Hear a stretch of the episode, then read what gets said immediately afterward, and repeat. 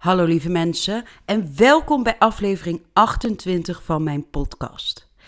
Vandaag een andere aflevering. We bespreken namelijk een ramp. De vuurwerkramp in Enschede. Ik duik met jullie diep in deze zaak. Voor deze zaak gaan we naar zaterdag 13 mei 2000 naar Enschede. Het is op deze zaterdag mooi weer. Het voelt zomers aan en veel mensen gaan deze 13e mei erop uit. Een dagje winkelen of lekker zwemmen. Maar er zijn ook veel mensen thuis. Lekker genieten van het mooie weer in de tuin of eh, op straat. Waren ook veel mensen op straat. Een normale zaterdag, zou je denken. Maar om één minuut over drie smiddags komt er een melding bij de meldkamer binnen van een brand in de Tollestraat in de wijk Roombeek in Enschede. De locatie van de brand is er een waar direct alle alarmbellen zouden moeten afgaan. Want de brand is namelijk op het terrein van vuurwerkbedrijf SE Fireworks. Dat is een grote opslagplaats midden in de wijk Roombeek. Een motoragent is trouwens de melder van de brand. Direct rukken dan ook de hulpdiensten uit. En ondertussen blijven er maar mensen bellen naar de hulpdiensten. Eén minuut na de melding van de motoragent doen ook omwonenden melding van de brand. Er worden in die meldingen veel straten genoemd. De Rembrandtstraat, Roombeekstraat, Roomweg, Tollestraat. Het is één grote chaos in de meldkamer. Er komen echt ontzettend veel meldingen binnen. Er wordt onderling dan ook afgesproken dat ze geen nieuwe meldingen meer doorgeven aan uh, brandweer en politie. Zeven minuten na de melding, om acht minuten over drie smiddags, komt de eerste brandweerwagen met vier brandweermannen ter plaatse op de plaats van de brand. In de hoofdkazerne hadden brandweermensen de rook al gezien. Ze gaan alvast naar de brandweerwagens en eigenlijk direct kwamen toen ook de meldingen binnen. Ze gingen daar alvast zitten van ja, laten we ons maar aankleden, want we hebben heel wat werk te doen. Als de politie dan aankomt, hebben ze grote moeite om de plek des onheils te bereiken. Er is heel veel publiek op de brand afgekomen. Ook staan er heel veel auto's in de weg. De brandweer moet letterlijk trekkend en duwend die auto's weghalen. En zo gingen er kostbare minuten verloren. Ondertussen trekt de brand heel veel bekijks. Een stukje bij beetje wordt de afzetting van de politie groter. De politie roept op uh, naar de mensen om naar huis te gaan, of tenminste grote afstand te nemen. De brandweer doet ondertussen alles wat zij kunnen om een ramp te voorkomen. Maar al snel vatten meerdere loodsen en bunkers vlam. Brandweermannen doen hun uiterste best om de brand te blussen. Ze klimmen bovenop garageboxen om vanaf daar te blussen. Het is nu kwart over drie. De twee directeuren van SC Fireworks, Rudy Bakker en Willy Pater, komen ook aan bij hun bedrijf. Zij zien ook dat de brandweerlieden op de bunker staan te blussen. En Rudy Bakker roept dat ze van die bunker af moeten gaan omdat het levensgevaarlijk is. Maar in de chaos wordt dit niet gehoord of ja, wordt dit niet gedaan en die brandweermannen blijven op die bunker blussen. Ondertussen komen ook 1 in 2 fotografen en een piepjonge RTV Oost cameraman Danny de Vries aan bij de plek eh, des onheils. Hij blijft wel buiten de poort van het vuurwerkbedrijf staan, maar hij filmt wel later de bekende beelden die de hele wereld overgaan. Het is ongeveer tien voor half vier en de lokale pers verzamelt zich op de plek van wat later de rampplek is. Mensen die staan te kijken zeggen tegen de journalisten dat ze te laat zijn, want de brand lijkt onder controle te zijn. Om drie minuten voor half vier lijkt de brand inderdaad brandmeester te zijn. Voorzichtig positieve berichten dus. Maar toch lijkt het een vreemde, abnormale brand. Ondertussen staat Rudy Bakker aangeslagen te kijken naar de brand van zijn bedrijf. Maar het gaat binnen vijf minuten compleet fout. Om vier minuten over half vier is er een raar soort geroffel te horen. Er komt vervolgens een lage steekvlam. Deze schiet uit de bunker over de grond richting twee zeecontainers. En daarop staan drie brandweermannen te blussen. Ze zijn kansloos op dit moment. De container, die in het onderzoek container E2 wordt genoemd, explodeert. Dit is een begin van een allesverwoestende kettingreactie. De explosie is zo zwaar dat het KNMI de ontploffing registreert als een aardbeving. Om vijf over half vier schreeuwt de officier van dienst via de portofoon dat iedereen zich moest terugtrekken. Iedereen komt in beweging en begint dan te rennen. Ook omstanders beginnen te rennen. Het is één grote chaos. Mensen met fietsen, mensen met kinderwagens, alles rolt over elkaar heen. Door de explosie vallen mensen op en over elkaar heen. Er komt niet alleen vuurwerk uit de lucht vallen op dat moment, maar ook bakstenen en puin. Een minuut later, om zes minuten over half vier, volgt er een tweede enorme, enorme, allesvernietigende explosie. De klap is volgens het KNMI voelbaar tot in Limburg. Bij deze explosie kwam 177 ton aan vuurwerk tot explosie. En deze explosie is enorm. Daken vliegen van huizen af en de hele woonwijk wordt door de explosie en de brand die daarop volgde in de as gelegd. Om zeven minuten over half vier zit burgemeester Jan Mans bij een afscheidsreceptie. Hij zit daar niets vermoedend te eten en op dat moment is hij nog niet gealarmeerd. Op een bepaald moment komt zijn chauffeur binnen. En dat is geen normale gang van zaken. En de burgemeester wist eigenlijk op dat moment direct dat er iets goed mis was. Als hij dan hoort wat er aan de hand is, gaat de burgemeester in alle ijl terug naar Enschede. En hij probeert te bellen met de brandweer, met de politie, maar alle lijnen zijn dood.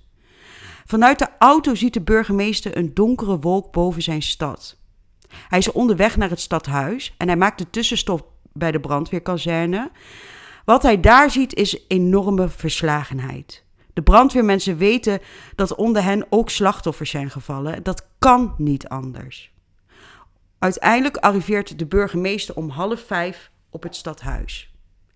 Ondertussen uh, heeft deze burgemeester nog steeds geen contact gehad met politie of dergelijke. En hij besluit dan dat zijn assistent op de fiets naar het hoofdbureau moet gaan om informatie te halen. Want er moest meer informatie komen, maar al die lijnen waren allemaal dood. Om tien voor vijf is er een rampenteam compleet. Bij elkaar wordt het rampenplan in werking gezet. Er komt dan ook een eerste update van de politieofficier. Er zijn doden te betreuren, ook onder de hulpverleners. De verslagenheid is enorm. Op de rampplek is het één grote ellende. Eén grote chaos. Brokstukken vliegen in het rond, mensen rennen, zoeken dekking, huizen storten in of zijn compleet weggevaagd. Mensen moesten daar echt rennen voor hun leven. Om 19 minuten over 5 ontstaat er een gevoel bij het rampenteam dat er een soort van controle is. Maar dat is in één klap voorbij als iemand van de GGD zich meldt dat de Grolsfabriek in brand staat.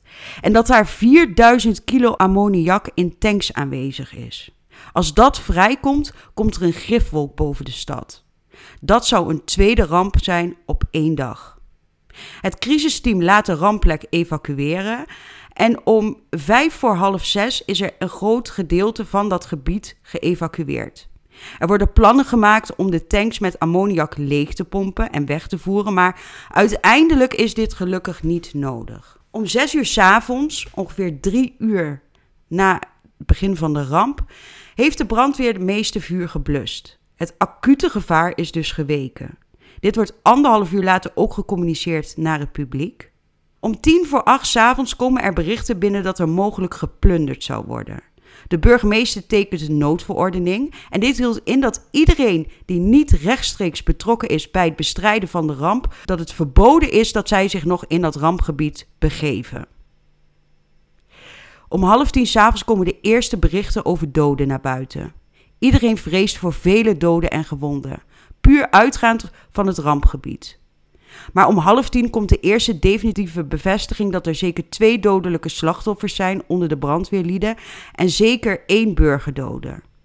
Maar voor het eerst wordt er die avond ook een inschatting gemaakt van het aantal doden. En deze houden ze op 20. Dit wordt ook om half twaalf gecommuniceerd tijdens een persconferentie. Het rampenidentificatieteam, het RIT, deze bestaat uit 85 man, is op dat moment ook geformeerd. En het wordt duidelijk dat een dag na de ramp koningin Beatrix en premier Wim Kok de rampplek gaan bezoeken. Door de ontploffing en de branden wordt het grootste gedeelte van de bedrijven en de woningen in de wijk Roombeek vernietigd. Maar ook in de omgeving van Roombeek is de schade enorm. Een gebied van ongeveer 42 hectare wordt compleet verwoest. De allesvernietigende explosie was zelfs op 60 kilometer afstand in Deventer te horen. De rook was in de omtrek van 70 kilometer van Enschede te zien. In totaal zijn er 200 woningen vernietigd, 1500 woningen buiten de wijk en 500 bedrijven raken zwaar beschadigd. 1250 mensen raakten dakloos. Na de explosie had de meldkamer niet direct een goed beeld hoe groot de omvang van de ramp was. Er waren heel veel uh, brandweerkorpsen die zelf initiatief namen. Veel brandweer, politie en ambulance-eenheden uit Hengelo, Oldenzaal, Almelo en in de verre omtrek van de ramp vertrokken richting Enschede. Ook Duitse brandweerkorpsen van Noordhoorn en Gronau en Rijnen kwamen in Nederland om te helpen. Zelfs vanuit de Randstad werden er hulpdiensten naar Twente gestuurd. En als we nu een ramp in Nederland hebben of er gebeurt iets groots, dan is het echt binnen het uur een extra uitzending op alle nieuwszenders. Maar terug in 2000 was dit nog niet zo. In de loop van de avond werd het voor de rest van Nederland ook duidelijk wat voor ramp zich had voltrokken in Enschede en hoe groot de ramp was. De uitzending van het Eurovisie Songfestival werd afgebroken voor het nieuws over de vuurwerkramp.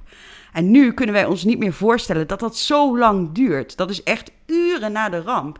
En nu ja, wordt gelijk een extra nieuws opgezet. En ondertussen komt er dan nieuws binnen op de nieuwsredactie. Maar toch wordt dat nieuws aangezet, omdat het toch is gebleken dat heel veel mensen het fijn vinden als er echt een ramp of iets groots gebeurt in Nederland om televisie te kijken. Om bijvoorbeeld naar het journaal te kijken voor ja, goede informatie, voor betrouwbare informatie. Ook al weten zij het zelf niet. Het is een soort van houvast.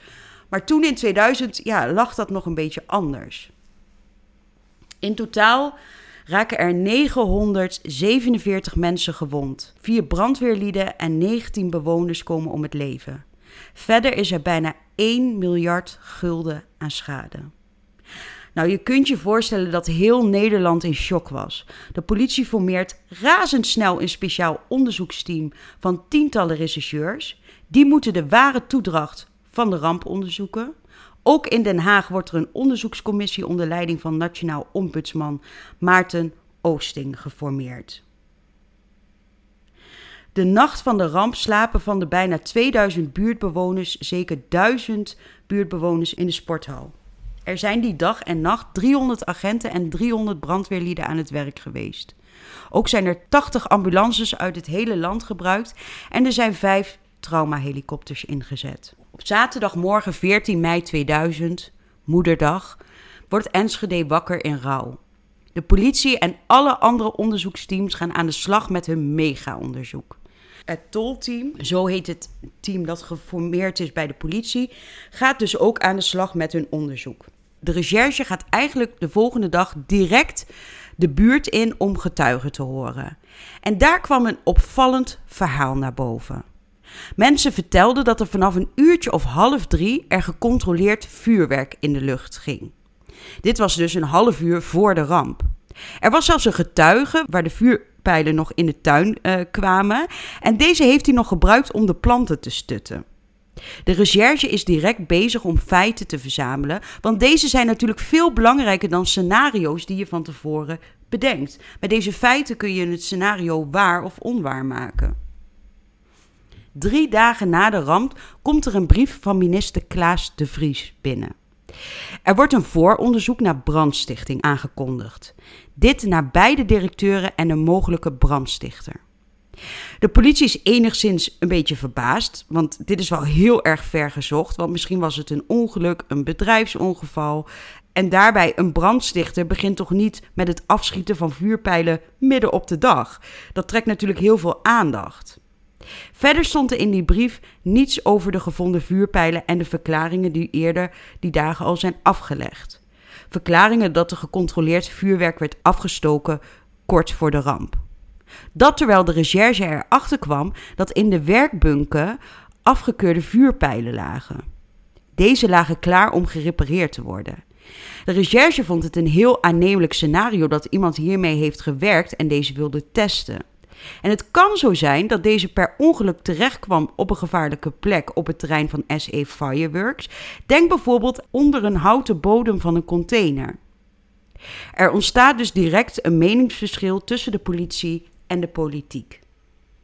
Op 28 mei, twee weken na de ramp, komen explosie-experts van de recherche met een eerste scenario van brand tot explosie. Dit scenario zorgt voor veel verbazing bij een aantal leden van de recherche, want er wordt met geen woord gesproken over de houten bodems die zijn aangetroffen. Het gaat enkel over stalen containers. Als rechercheur Paalman daarmee naar de technische recherche gaat met de mededeling dat dit een fout is, krijgt hij tot verbazing te horen dat het geen fout was. Dat de containers enkel van staal waren. Als Paalman dan zijn eigen foto's laat zien, geeft de technische recherche toe dat het NFI al lang wist dat er houten bodems onder de containers zaten, maar dat dit niet in het rapport is gezet omdat het niet belangrijk was. Paalman moet zich hier vooral niet druk om maken. Op dat moment krijgt Paalman een raar onderbuikgevoel. Hij besluit om alles thuis zelf vast te leggen in een dagboek. Regisseur Paalman doet zijn verhaal in de media over het onderzoek van het tolteam en ik neem jullie even daarin mee. Jan Paalman is tactisch regisseur. Dat betekent dat hij heel veel getuigen en verdachten verhoort. Hij had ook een collega, Charles de Roy van Zuidenwijn. Samen worden zij op de directeur Rudy Bakker gezet. De twee hebben Bakker 80 tot 90 keer verhoord. Paalman vertelt dat Rudy Bakker erg goed meewerkt en dat hij een van de weinige verdachten is die bijvoorbeeld geen verhoorverslagen van anderen wil lezen. En dat kan hè mensen. Via je advocaat kun je je eigen dossier inzien en zo kun je ook zien wat andere verdachten hebben verklaard. Echter wil Bakker dit niet. Verder getuigt hij heel consistent en hij wil heel erg graag weten wie de veroorzaker van deze vernietigende ramp is. De twee rechercheurs ontdekken heel erg belangrijke informatie.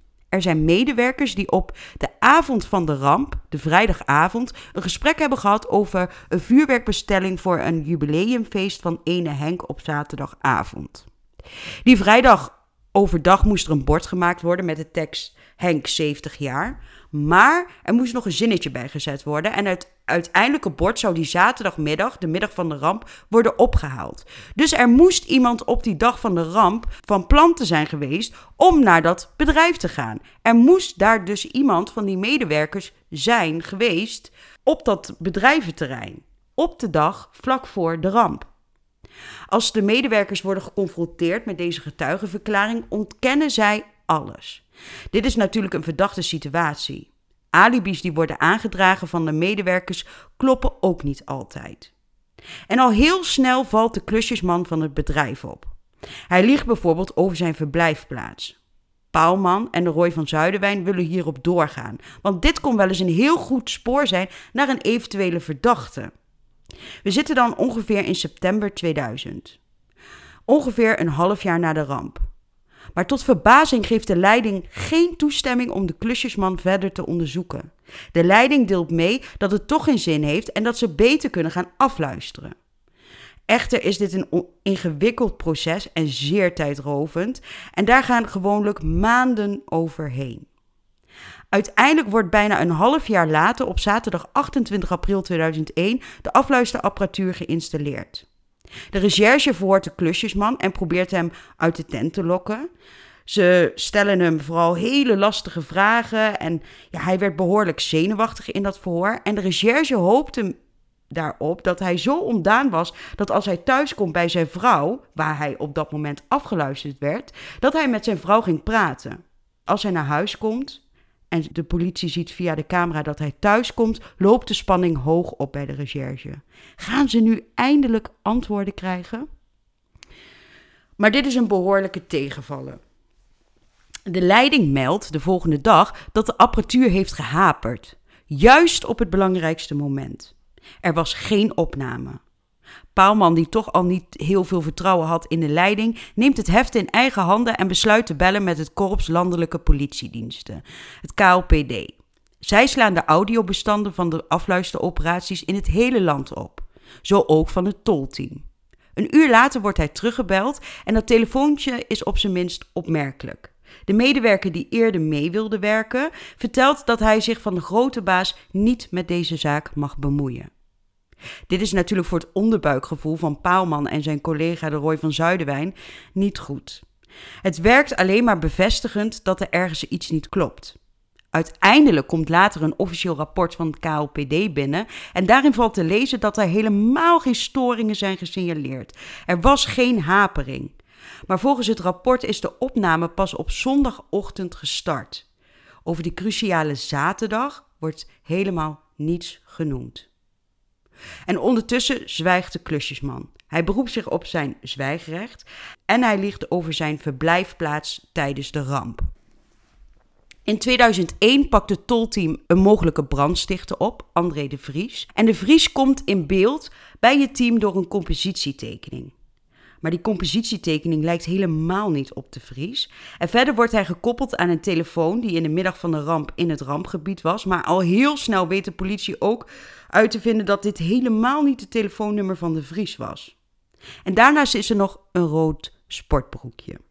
Vlak voor de ramp is er iemand gezien die een man in een ehm, rood sportbroekje van het terrein af zag rennen.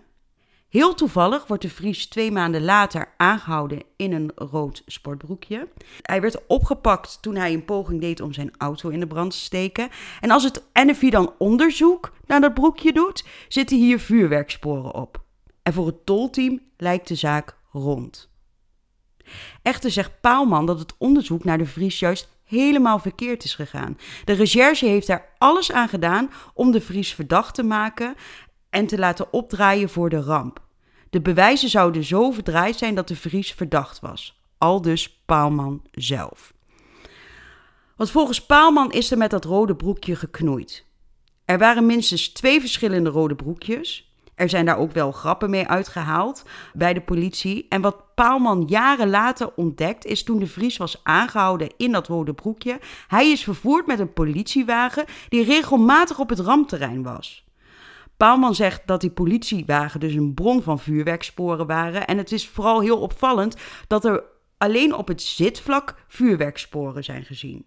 In 2002 is voor Paalman en de Roy van Zuiderwijn de maat vol en zetten ze al hun bevindingen op papier. En dit rapport was een bom onder de strafzaak tegen de Vries. Trouwens, niet tegen Bakker en Pater, de directeuren van het bedrijf. Het lijkt me even goed om over te gaan naar de strafzaak. De twee directeuren van het bedrijf, Rudy Bakker en Willy Pater, staan in 2002 in de rechtszaal. Bakker wordt bijgestaan door advocaat Peter Plasman en Pater wordt bijgestaan door Gabriel Meijers. En op 2 april 2002 worden beide heren door de rechtbank in Almelo vrijgesproken van de schuld voor de dood van de slachtoffers van de vuurwerkramp. Wel krijgen ze zes maanden gevangenisstraf opgelegd, waarvan drie voorwaardelijk en een boete van 2250 euro voor het opzettelijk overtreden van een aantal milieuvoorschriften en handel in illegaal vuurwerk. Nou hadden ze al drie maanden in voorarrest gezeten, dus kwamen beide heren vrij. Er komt een hoger beroep. Het gerechtshof in Arnhem veroordeelde de twee directeuren op 12 mei 2003 in hoger beroep tot één jaar cel. Het Hof zegt dat zij zich schuldig hebben gemaakt aan het overtreden van wederom de milieuvoorschriften, illegale handel in vuurwerk, brand en ontploffing door schuld met de dood tot gevolg. Rudy Bakker gaat nog in, in cassatie hiertegen, maar dit is zonder succes. Hij liet het er niet bij zitten, want hij tekende zelfs beroep aan bij het Europees Hof in Straatsburg. Dit omdat hij zo gezegd geen eerlijk proces zou hebben gehad, maar het Hof oordeelde zijn verzoek tot niet ontvankelijk. Op 22 augustus 2002 veroordeelt de Almeloze rechtbank André de Vries tot 15 jaar gevangenisstraf wegens brandstichting op het terrein van het vuurwerkbedrijf.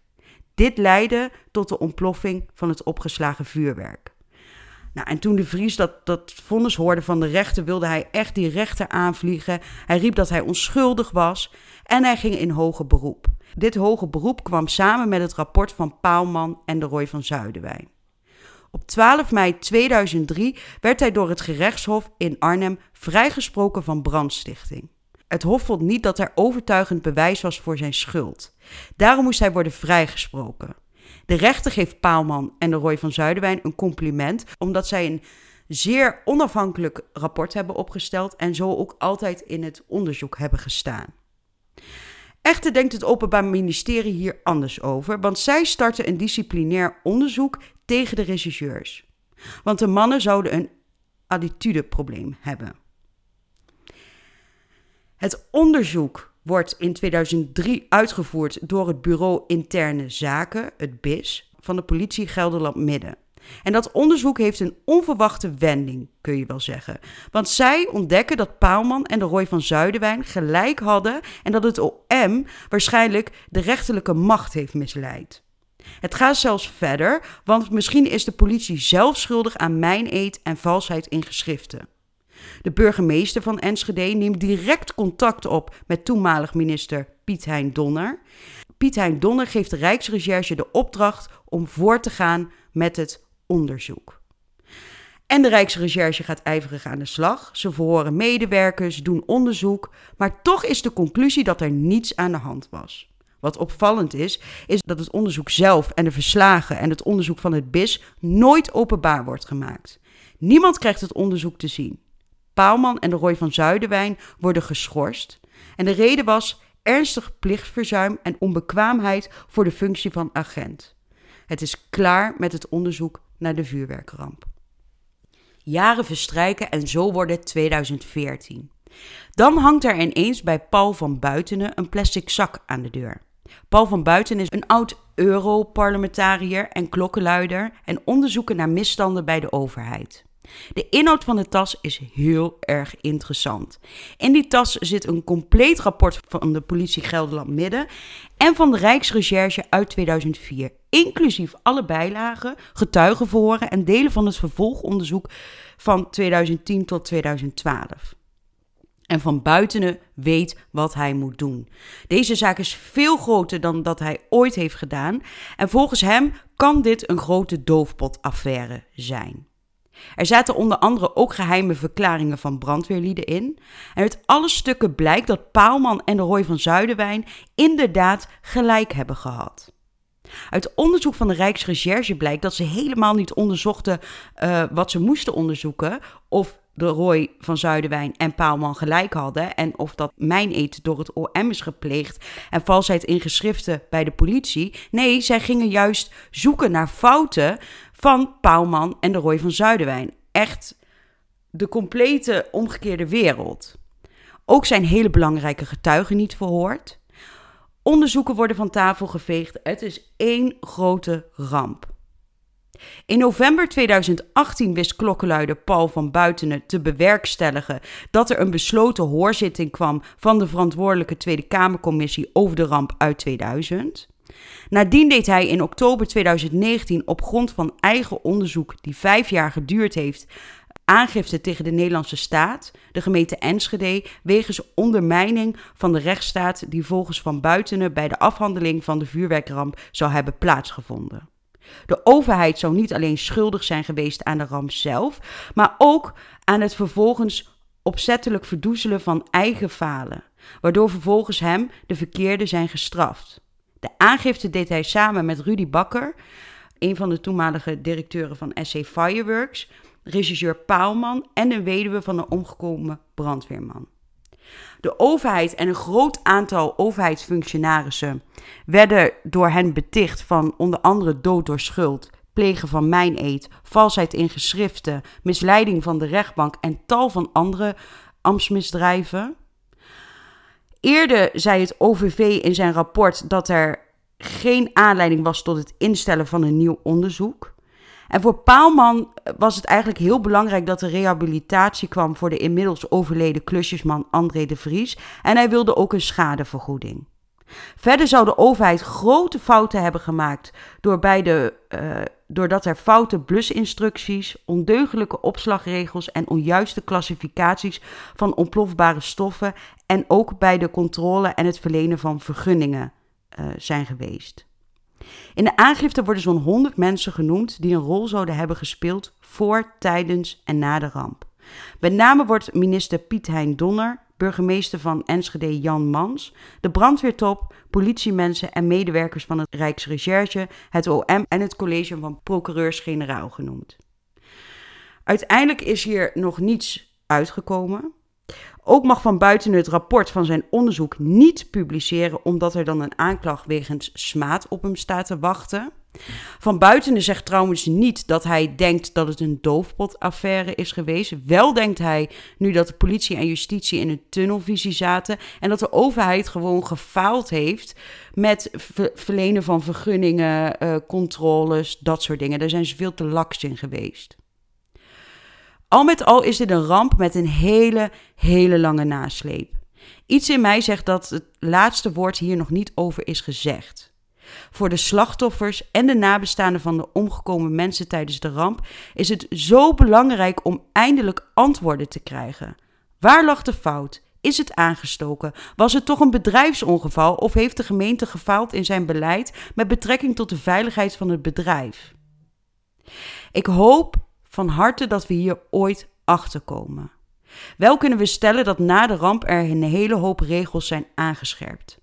Daar hebben de nabestaanden en de slachtoffers niets aan, maar het is wel een stap dichter naar veiligheid. Bedankt voor het luisteren naar deze iets andere aflevering. Volgende week ben ik er weer en dan weer met een moordzaak. Voor extra beeldmateriaal neem dan een kijkje op mijn Instagram Moord in de Lage Landen. En tot volgende week, lieve mensen.